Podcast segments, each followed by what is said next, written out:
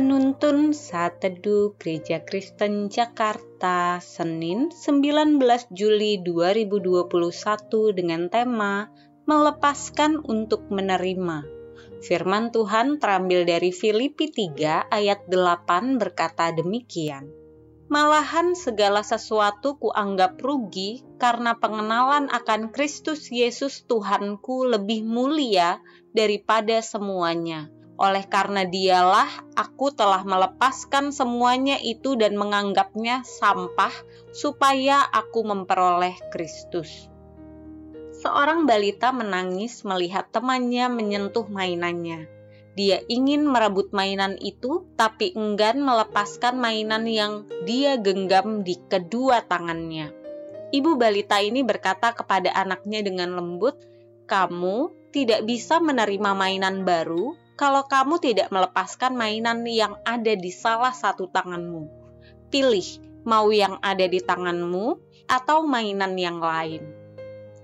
Rasul Paulus memiliki semua kebanggaan yang diinginkan oleh orang sezamannya.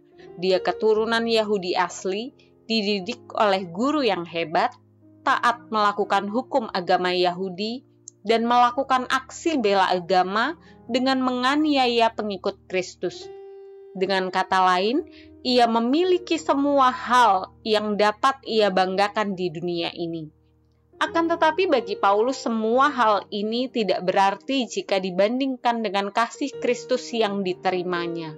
Pengenalan akan Kristus, hidup yang serupa Dia, dan menerima anugerahnya adalah kehidupan yang layak untuk dimiliki dan dikejar ia berani melepaskan yang lama untuk mendapatkan yang lebih mulia dari segalanya, yaitu Kristus.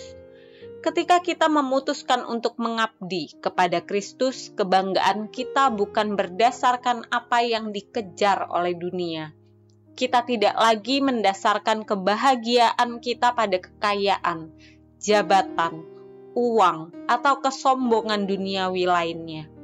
Kebanggaan hidup yang kita kejar adalah perkenanan Tuhan.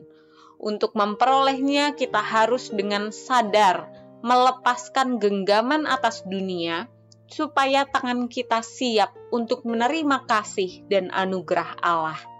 Melalui perenungan pada hari ini, kita bersama-sama belajar.